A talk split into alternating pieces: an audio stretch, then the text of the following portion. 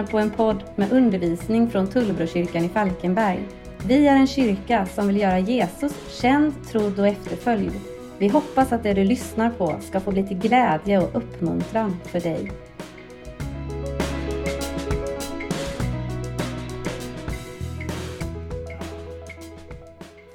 Jag säger som en eh, mötesledare sa vid något tillfälle, det är roligt att se så många lämna lokalen. Det är härligt att vi får ha barnkyrka. Eh, jag har ju brukat rapportera här i sommar hur det är med mitt badliv. Jag har ju badat eh, många tillfällen men haft som tradition att bada kvällen innan jag ska predika. Och hur tror ni det gick igår? Blev det något bad? Eh, ja, det blev det. Jag tänkte först inte att det skulle bli det. Det såg ju lite bistert ut. Och, men så hade jag varit i kassan på Brohjälpen och, och var lite trött i huvudet efteråt och tänkte det kanske blir bra med ett nappatag med vågorna och jag ångrar mig inte. Jag var nere vid femtiden på eftermiddagen och det var, med överdriver lite, en meters vågor, men det tror jag faktiskt att de största var. Och så eh, Kanadagässen hade det bra där nere, jag kollade det också. Så att, eh, Eh, och eh, sedan så att få ta ett nappatag med vågorna där en kvart, det var, återigen kände jag mig som en yngling som slängde mig i vågorna. Och det var så uppfriskande och härligt. 17-18 grader, så det är inte så tokigt. Nej, det var härligt och nu ska det bli bra väder nästa vecka så att eh, vattnet håller temperaturen. Så det, det är bara att hänga på nästa vecka. Ja. Idag är ju temat enheten i Kristus. Och först, jag ska säga det är gott att se er allesammans.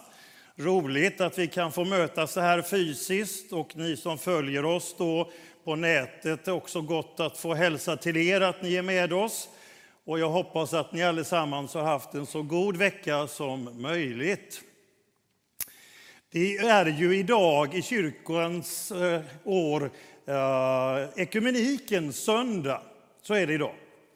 Och ekumenik är ett ord som uttrycker att vi som kyrkor och samfund vi vill samarbeta, vi vill samtala, vi vill gestalta konkret Guds folks enhet. Ekumenik är ju lite ett festligt ord för det kommer och betyder egentligen från grekiskan den bebyggda eh, världen. Så att eh, där det är bebyggt, den bebodda världen, det är egentligen ordet. Och det är klart att där det inte är någon som bor så går det inte att samarbeta, så tänker jag. Utan att eh, det är den bebodda världen och där får man samarbeta om det ska fungera bra. Men ordet, rotordet är grekiskan oikos, som betyder hus. Och då kan man uttrycka ekumenik så här, alltså de som lever och bor tillsammans i samma hus. Det är det vi får manifestera idag. Leva tillsammans under samma tak, under samma hus. Och jag eh, använder mig av andra årgångens text. Jag kommer in på tredje årgången som är egentligen för idag. Men eh, jag vill läsa från andra årgången. Och vi kommer rakt in där Jesus har firat sista måltiden talat om sitt lidande. Och eh, Markus och Lukas, eh, eller Markus och Matteus, de återger någon, på olika ställen det som är, uppstår här. Det uppstår nämligen en incident efter nattvardsfirandet. Och det är bara Lukas som återger den.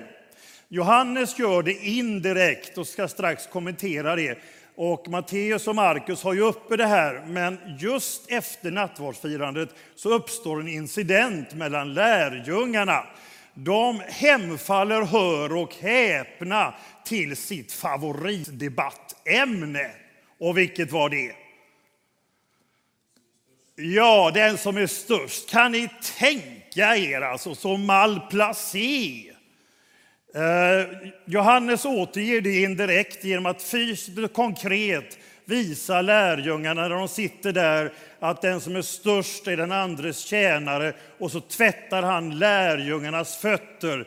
Det var ju lågstatusyrket nummer ett och det gör Jesus och jag är övertygad om att det fanns inte på kartan hos lärjungarna som kivades om och så gör Jesus det här.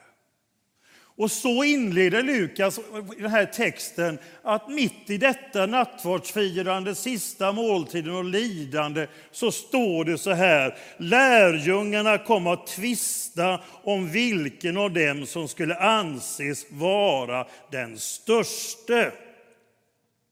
Ja, man väntade ju på kungariket. Man trodde att det skulle komma liksom i deras tid. Så man var intresserad av topplaceringarna i Guds rike, om jag får uttrycka mig så.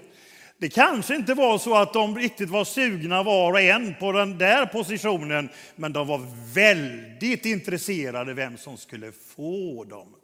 Det var de. Och så fanns det en ambitiös mamma vi ska tacka Gud för våra mödrar. Eh, ibland kan de för sina söner ha lite extra ambitioner. Jag vet inte om ni känner igen det.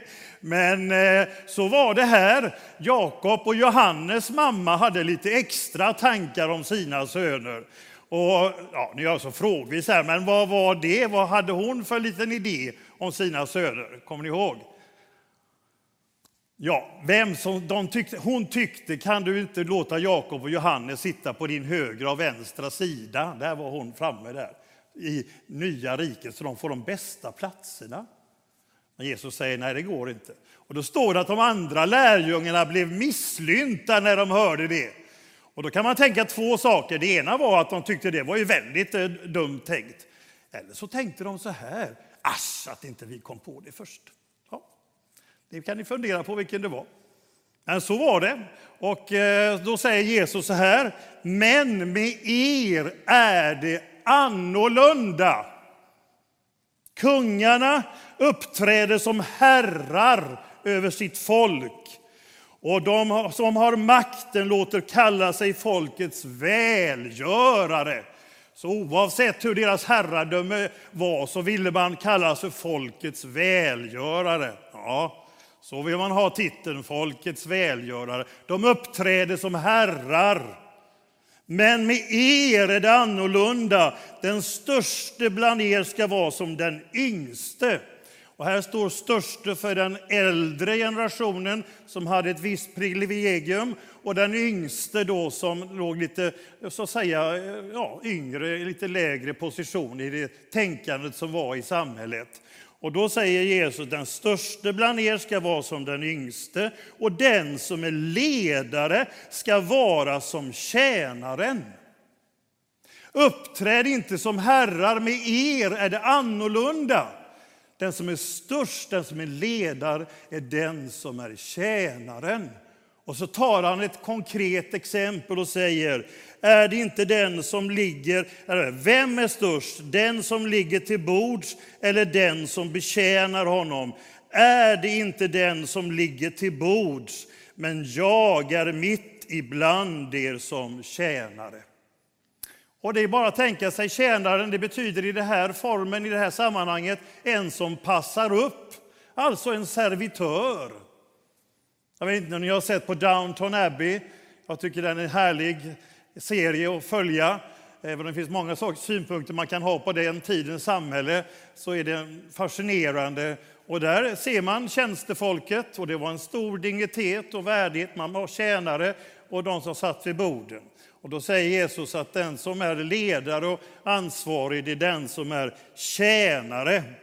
Och det är inte så, mina vänner, att Jesus säger så här att ni kan börja som tjänare och sen så kan ni jobba upp er liksom i kyrkan och stiga i graderna och sen bli störst. Nej, utan han säger att tjänandet, ringheten, det låga, det är sann storhet i Guds rike. Störst är den som tjänar mest, om vi ska formulera oss så. Ja.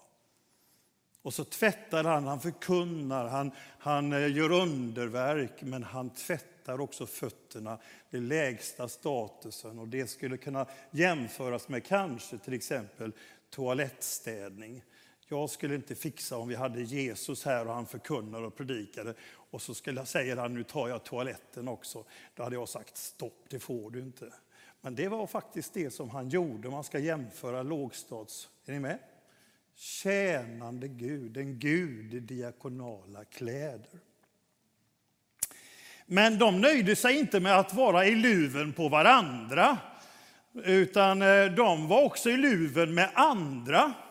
Om man läser lite tidigare i Lukas så hände det förunderliga att de möter en annan människa som är ute i Jesu namn och hjälper andra. Och vad gjorde lärjungarna då? Jo, de rapporterar till Jesus och säger vi försökte stoppa den här personen. Vi försökte hindra honom. För han följde ju inte dig så som vi gör. Och då förebrår Jesus, sluta, stoppa med detta. För den som är för er är ju inte emot er.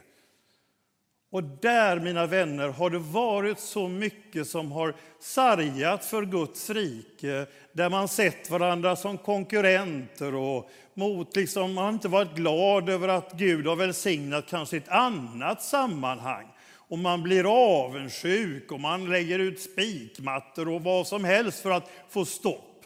Det är ingen som kanske vill erkänna att man har känt så, men så många gånger har det hindrat för att Gud har använt någon som man kanske inte tyckte, de följde ju inte på det sätt så som vi tycker att det ska vara. Vi och dem, vi och dem. Nej, låt oss få välsigna och glädjas över vad Gud gör, var han än gör dem och vilka som helst. Partisundring betyder, står det i levande Bibeln, känslan av att alla andra har fel utom vår lilla grupp.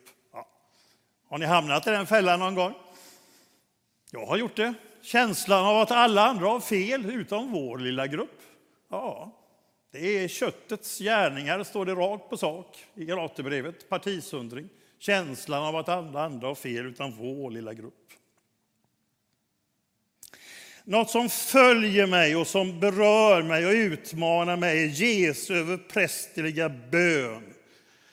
Jag frågar mig om jag och kyrkan och människor i vårt land och värld tar Jesu bön på allvar i ordets konkreta mening när han ber för lärjungarna och för dem som ska komma till tro. Och så ber han att de ska vara ett, så som Fadern och jag är ett. Och djupast sett så är det jude och hedning, men det är allt Guds folk. Jag ber att de ska vara ett för att världen skall tro att jag är den som du har sänt. Och jag utmanas ständigt av den texten. Och ska vi ta vara på den, mina vänner, så måste vi ju röra oss i bönesvarets riktning, eller hur? Det är ingen idé att läsa den bönen, om ni förstår mig rätt, och tänka ja, så vill vi om vi inte rör oss någon gång i bönesvarets riktning.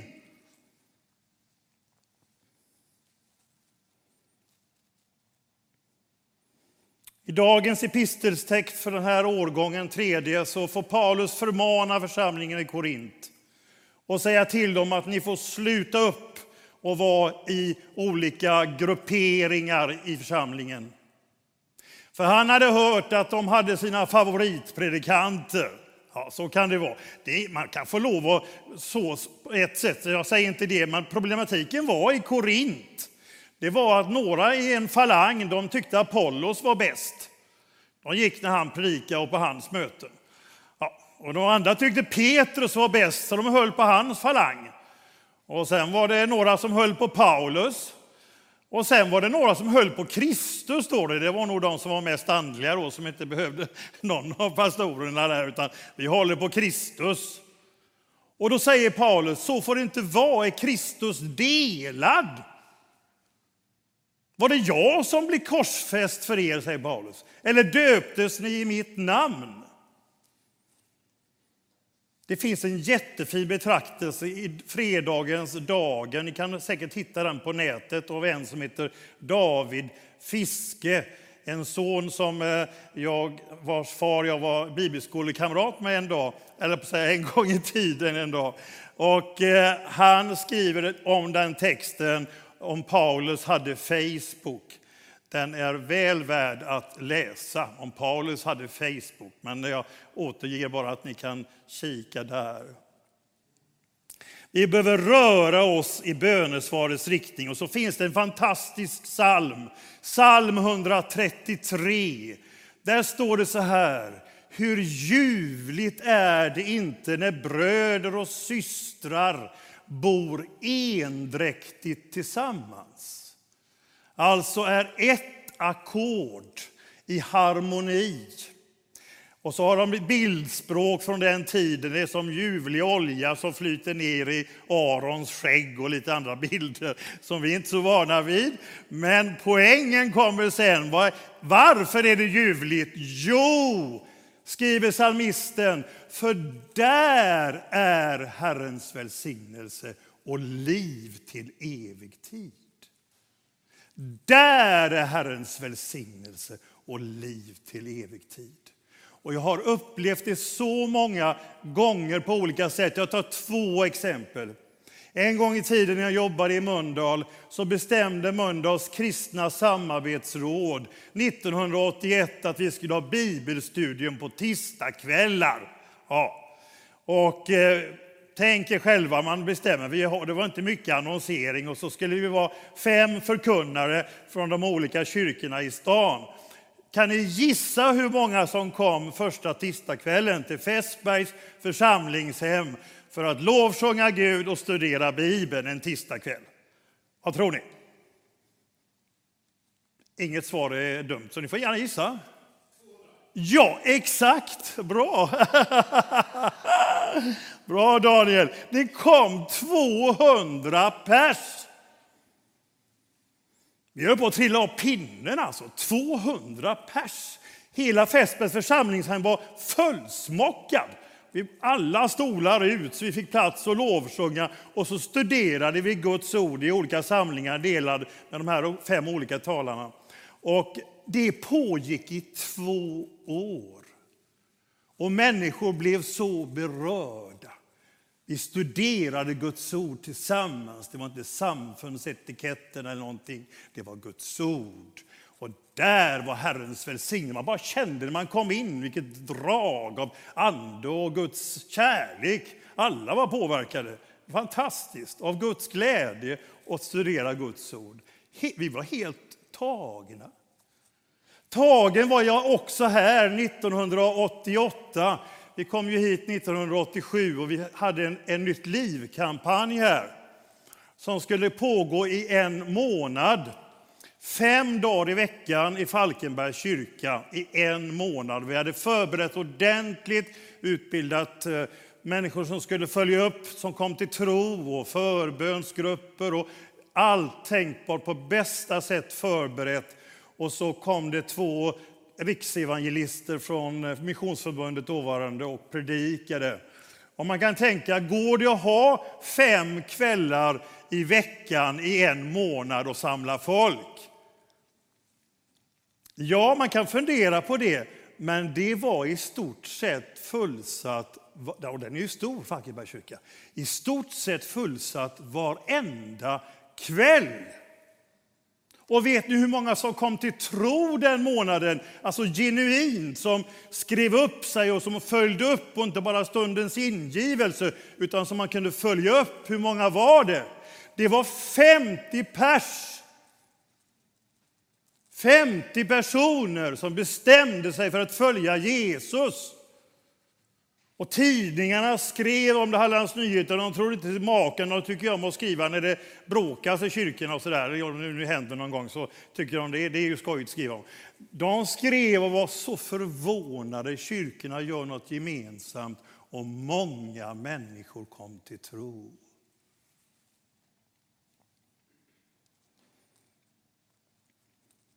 Man firar lövhyddohögtid. Och den högtiden, man firade den, så var det till minne av Guds beskydd och att han gav dem vatten när man vandrade i öknen. Så firade man den i sju dagar. Och varje dag så gick prästerna ner till Siloandammen och hämtade vatten för att föra upp till templet. För man drömde om den dag då Hesekiel 47, som man läste, skulle fullbordas, den profetiska texten. Och så sjöng man medan man hällde vatten från Jeremia, ni ska ösa vatten ur frälsningens källor med glädje. Det var den högtid då det kom mest utländska deltagare, det var en pilgrimshögtid och eh, man firade i sju dagar. Och det var på ett sätt den svåraste veckan att fira. Vet ni varför? Det fanns ett intressant påbud från Gud hur den skulle firas, vilket de tyckte var lite jobbig. Ja, jag är så frågvis och besvärlig idag. Eh, det står så här att de skulle vara glada hela tiden. Ja, så var det. Påbudet var att man skulle vara glad hela veckan. Och jag vet inte hur ni känner. Alltså, alltså ska man vara sur en hel vecka, då får man verkligen satsa. Ja, jag har inte klarat det. Nu talar jag inte om sorg och lidande, förstår man rätt, utan surhet. Jag blir sur och tvär och ilsken. Man ska hålla på med det en hel vecka, vem orkar det? Om jag har fått lärt mig rätt från anatomin så går det åt 42 muskler i ansiktet för att vara sur. 42 muskler. 12 går åt om man ska vara glad. Ja, det är mycket lättare och behagligare för ansiktet att vara glad. Nu vet jag att i livet inte alltid är så, men att vara glad kommer naturligare för ansiktet. Och så säger Gud, ni ska vara glada i sju dagar. Ja, de fick jobba med det. det är lite intressant. Den åttonde dagen, mina vänner, som var oktaven på den här högtiden, då hällde man inget vatten. Gick inte hämta det. Av två anledningar. Den ena var att då firade man och tänkte man att Israel hade kommit in i det förlovade landet, så de behövde inte vattnet på det sättet. Det andra var att man väntade på Messias och han hade inte kommit än. På den dagen ställer sig Jesus upp och ropar, är någon törstig så kommer han till mig. Så ska han få del av det levande vattnet och det ska strömma ut som en fontän, står det i engelskan. A fountain of life. Som en fontän till välsignelse, inte bara för dig, utan för omgivningen. På den dagen ställer sig Jesus upp. Vilken timing, han vet precis. Och så säger han det i profetian från Hesekiel 47, kommer inte i första hand uppfyllas på en viss plats utan i en person, Jesus. Där den dubbla strömmen drar fram. Och låt oss läsa vad som står om den i Hesekiel 47. Jag läser bara ett litet avsnitt och så kommer en liten fråga. Överallt, vers 9, dit den dubbla strömmen kommer där upplivas alla levande varelser som rör sig i stim. Och fiskarna blir där mycket talrika, ty när detta vatten kommer dit blir havsvattnet sunt och allt får liv där strömmen kommer. Men gölar och dammar där skall inte bli sunda. Men vid strömmen på dess båda stränder ska allehanda fruktträd växa upp, vilkas löv inte ska vissna och vilkas frukt inte ska ta slut, utan varje månad skall träden bära ny frukt. Ty deras vatten kommer från helgedomen och deras frukter ska tjäna till föda och deras löv till läkedom. Den läste man. Och det sker i Jesus. Och så är min enkla fråga, vilka fiskar var det som upplivades? Kommer ni ihåg vad jag läste? Vilka fiskar? Finns det lite notering? Jag, ibland, men det här tror jag verkligen är ett profetiskt ord alltså i den här lilla texten. Jo, det står att alla fiskar som levde i stim, står det. De fiskarna som levde i stim blev upplivade. Uh, vad är motsatsen till stimfisken? Jo, det är revirfisken. Ofta fula fiskar. Rovdjur som bevakar och avgränsar, har koll på sitt område så ingen annan kommer dit. För här är mitt och jag. Här är mitt rike. De upplivades inte. Utan de som levde i stim blev upplivade av den levande strömmen. Och stimfisk är ju något fascinerande. Eh, det finns ju ingen uttalad ledare. De kan vara hundra miljoner, ett sillstim, och så rör de på sig som en organism. Ni vet, det är ju fascinerande. Och det är så att när de kan gestalta de här stora stimmen så kan rovdjuren tro att det rör sig om en val eller någonting som de vågar inte angripa. Så stimmet är ett skydd. Men de fixar så i stimmet att de mest erfarna fiskarna åker först. De löper störst risk att kunna fångas av något byte, men de går först så att de yngre fiskarna kan känna sig trygga i stimmet. Så fungerar det faktiskt. Det är intressant. Man rör sig runt och så är det så. Och man krockar oftast inte, men man kan faktiskt krocka ibland i stimmet. Men ingen lämnar stimmet för den sakens skull och blir sur och putt och, och eh, stöttar han till mig där igen. Utan, utan de är kvar därför att det är deras räddning. För vad händer med en ensam fisk som är en stimfisk? Jo, den får hälsoproblem. Den blir stressad om man läser på. Den blir stressad, får allmändålig och nedsänkt immunförsvar. Och hittar den inte stimmet så leder det faktiskt till döden. Den funkar inte utan stimmet. Ja, ni kan fundera vidare.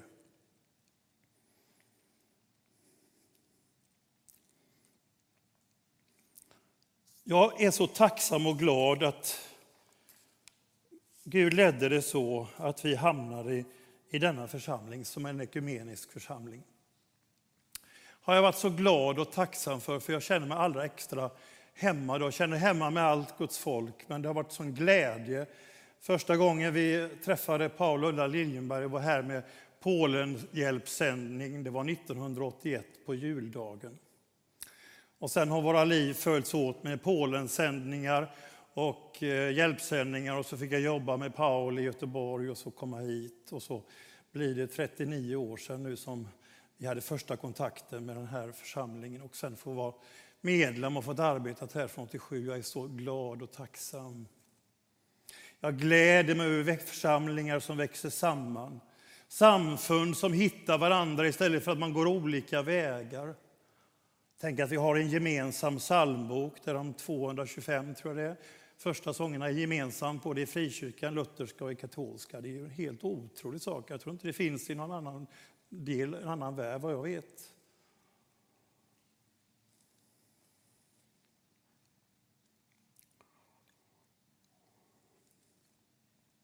Jag berättar en liten kuriosa.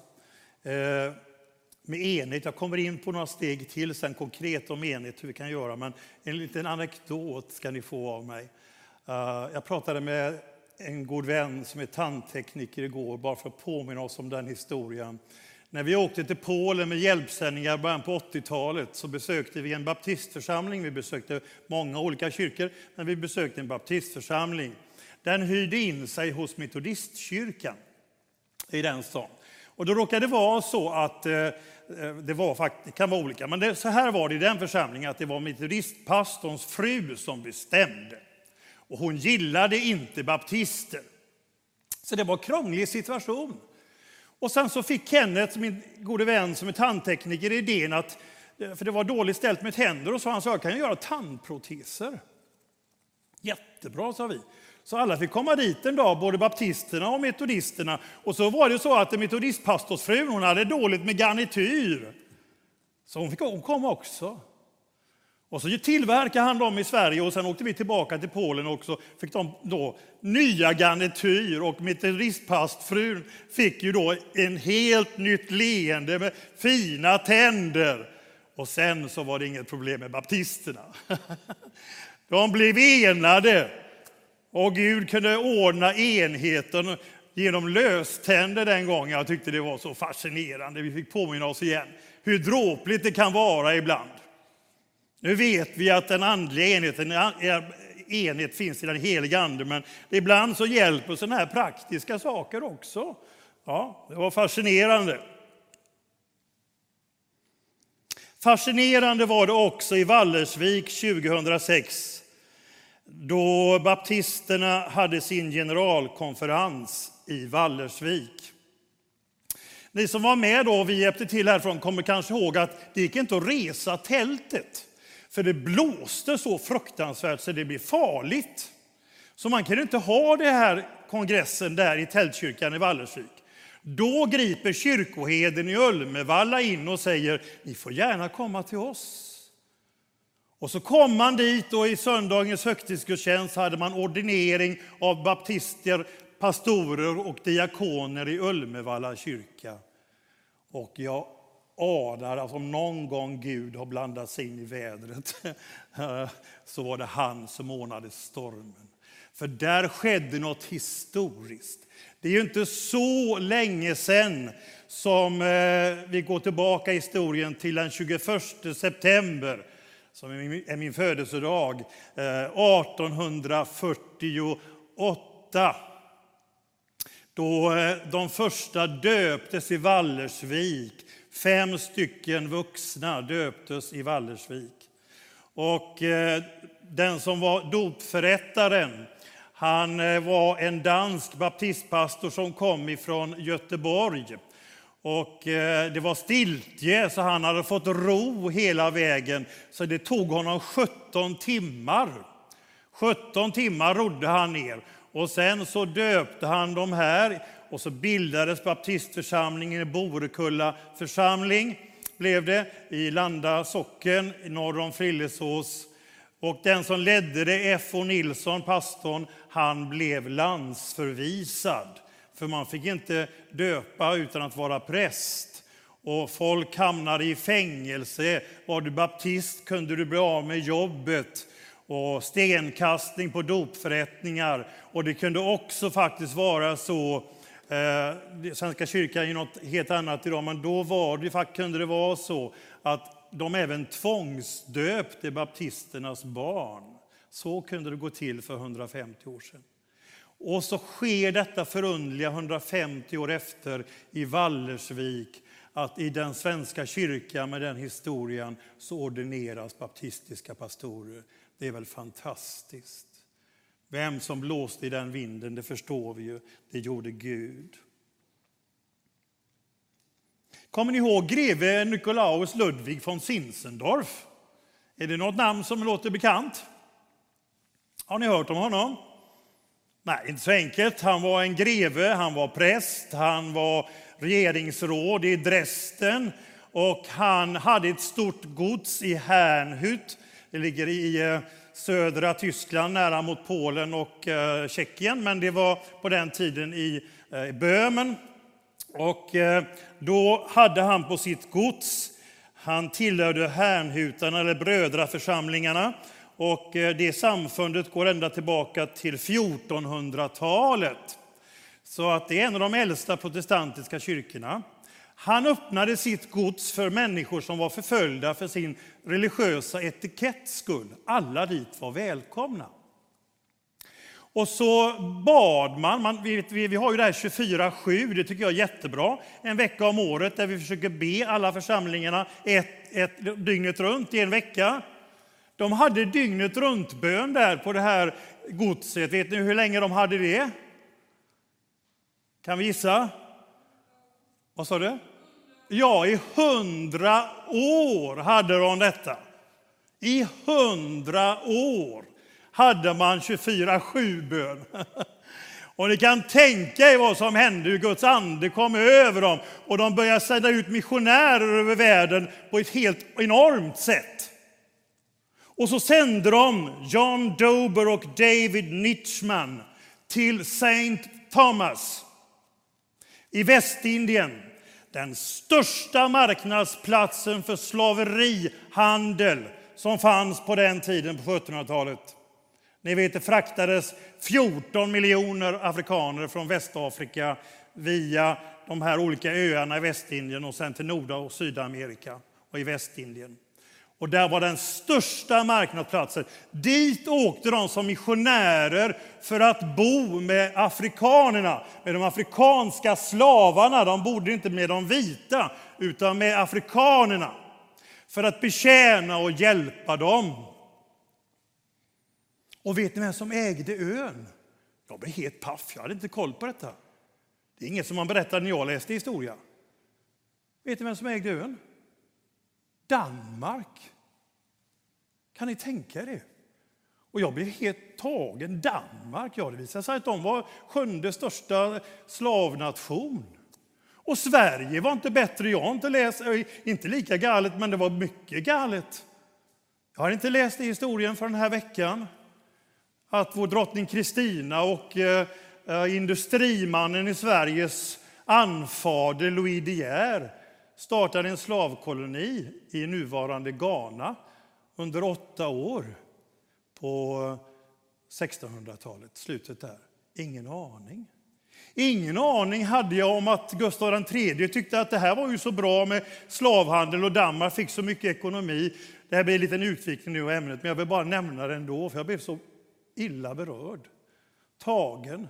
Att man köpte in Saint-Barthélemy av fransmännen och det blev en stor marknadsplats där också och omlastning av slavar. Och I 60 år var Sverige en delaktighet av den transatlantiska slavhandeln. Hade ingen aning. Fick ni läsa det i historien? Ja, några har läst det. Jag fick inte det, så jag blev helt slagen. Och tittade hur ser det ut idag? Ja, jag tittade in på motioner och riksdagen och då kunde jag se att det var en motion 1912 att vi skulle ha den 9 oktober för då avskaffades slaveriet i Sverige. Det datumet och det skedde 1848 avskaffades sig. Och sen så friköpte svenska staten 1845 de sista 523 stycken för 80 riksdaler styck, 20 000 kronor, alltså 10 miljoner. Man tyckte först det var för dyrt, men så tyckte man vi får göra så i alla fall. Och när det var 165 års minne av detta så var det en motion i riksdagen, den blev avslagen. Och jag undrar varför blev den det? Det stod inte. Jag ringde upp till riksdagen och frågade informationen där. Hur, hur, hur tänkte man där? Och hon letade fram och var så hjälpsam. Jo, man tyckte man hade uppmärksammat det tillräckligt. Därför att vår uh, jämställdhet och, industri, eh, jämställdhet och integrationsminister. Och, eh, nu har jag övat på förnamnet och jag måste säga att jag ändå inte fixar det just nu. Kan ni hjälpa mig? Saboni och Niam, Niamko, tack. Ursäkta om någon ser detta att jag inte ändå får fram namnet. Men hon talade då på FN-dagen att erkände att vi har varit delaktiga av det här slaveriet. Det är det enda. Sverige har inte sen bett om ursäkt. Eh, 25 mars är den internationella dagen för slavhandelns avskaffande i världen. Vad firar vi den 25 mars? Det är väldigt trevligt. Det är våffeldagen. Men tänker man på ett perspektiv att resten av världen firar avskaffandet av slaveriet så är ju våffeldagen en ganska så stor kontrast. Eller hur?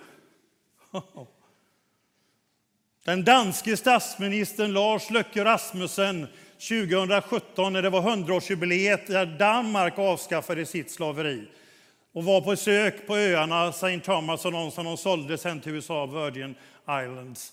Eh, så sa han det här är så beklämmande och fruktansvärt tragiskt att det är vår historia. Det blir ingen formell ursäkt, men han beklagade, han var sorgsen över att många av de här fina husen i Köpenhamn är byggda av slavvinst. Det tänker man inte på när man är i den vackra staden, men så har det faktiskt varit. Ja, de sände missionärer till de mest otillgängliga ställen när Guds rike fick breda ut sig. Och det är Guds rike som eh, Jesus förkunnade. Och han undervisade lärjungarna i tre år. Och sedan så när han hade uppstått så samtalade han med dem i 40 dagar om Guds rike. Jag har några punkter. Orkar ni något till? Går det okej? Okay? Ja, tack. Eh, några saker till. Eh, och då eh, så eh, förkunnar han om Guds rike. Vad är den frågan som de ställer lärjungarna när eh, Jesus ska lämna dem? Då frågar de så här, ska du nu upprätta Israels storhet, Israels kungarike? Och när Jesus rider in i Jerusalem så sjunger man Hosianna, vår David, vår fader Davids rike kommer. Så trots att Jesus hade undervisat om Guds rike som ett allomfattande rike, universellt för alla, så man förkastade inte, men man reducerade det till att bli vår fader Davids rike. Och så har det lätt blivit. Eh, Luther förkunnar Guds rike. Det är lätt att efterföljarna förkunnar vår fader Luthers rike. Stanley Jones som tar upp det här, indiemissionären och metodist, han säger John Wesley förkunnar Guds rike. Metodisterna de kanske förkunnar vår fader John Wesleys rike. Det begränsas av våra samfundsetiketter och samfundstänkande när Guds rike är allomfattande. Och jag är alldeles övertygad om att när vi kommer till Guds rike i himmelriket och om nu Gud frågar oss någonting, vi kommer dit, så kommer han inte fråga vilket samfund kommer du ifrån då Ingemar? Nej, det kommer han inte fråga. Ja, du kommer därifrån, då har vi den avdelningen där. Nej, det är en historisk parentes, kära vänner. Det är Gudsriket som gäller. Och det får inte heller bli jagets rike, bara mitt personliga, och man glömmer världen, utan Guds rike omfattar hela vår värld. Och Det är så lätt att vi fastnar i våra olika traditioner och betoningar och olika läror och sånt och så grupperas man ut istället för att samlas. Paulus säger jag vet på vem jag tror. Han kunde säga jag vet på vad jag tror, men han säger jag vet på vem jag tror. Det förenar. Och så berättar Stanley Jones i sin bok Seger i kliv. Stanley Jones var ju indiemissionär i 40 år och världsevangelist och skrivit många bra böcker. Och då säger han så här att det var ett tillfälle som en eh, munk, han bad men blev störd av en mus vid sina andaktsstunder. Och då skaffade han sig en katt, det var ju lämpligt, så han band en katt vid dörrposten och så var musproblemet över. Men problematiken var att hans efterföljare ville göra likadant. För de följde hans exempel, så när munken dog så band de också en katt vid dörrposten. kanske inte var några råttor kvar, men man gjorde så. Men det märkliga var som sen hände det var att man började diskutera, istället för att fokusera på bönen, så började de diskutera och käbbla vem, liksom, vad det skulle vara för sorts katt och vilken färg och, och hur långt ifrån bedjaren den skulle vara och så vidare. Mängder av diskussioner runt det här. Och så säger Stanley Jones så här, ibland så sysslar man i kristenheten med lika dumma och meningslösa saker som att mena binda katter vid andaktsstunder. Istället för att höra världens nöd och så samla gemensamt resurser för att möta människorna. För det är ju inte för vårt samfund, även om vi kan vara tacksamma för det, organisationer och sånt, det är inte för dem vi vill mina människor, utan för Guds rike. Och då behöver vi samarbeta på olika sätt. Jesus var ju inte katolik eller protestant eller eh, pingsten eller anglikanska kyrkan eller vad du vill. Han var ju Jesus. Och den avgörande frågan till sist är om vi som Guds folk vill vara som Jesus. Det är Jesus det gäller. Och han var med fiskarna på deras arbetsplats. Han var på olika fester och sammanställningar som vi kanske tyckte var mindre lämpliga. Och han, tyckte omgivningen det. Och han talade med de prostituerade och mötte dem med respekt. Han rörde vid de leprasjuka som var orena. Och han var med de här människorna och han var alltid Jesus. Så den avgörande frågan för församlingen och kyrkans framtid ligger inte i metoder och olika vända trenden-tankar och sånt, utan det ligger i om vi förhåller oss till människor på Jesu vis. Där är kärnan. Och han längtar så att hans folk får vara ett och tillsammans tjäna honom för Guds rikes framgång i vår värld. Jag har några punkter kvar. Jag tar det nästa tillfälle. Ja, så blir det. Låt oss be. Gud, jag ber att ditt ord ska bli bevarad i våra hjärtan. Och jag ber Gud att vi inte bara är ordets hörare utan också dess görare. Förlåt oss alla gånger som vi har motverkat varandra istället för att betjäna och hjälpa varandra. Låt oss stå i försoningen och förlåtelsens tjänst för ditt rikes framgång i vår värld. Amen.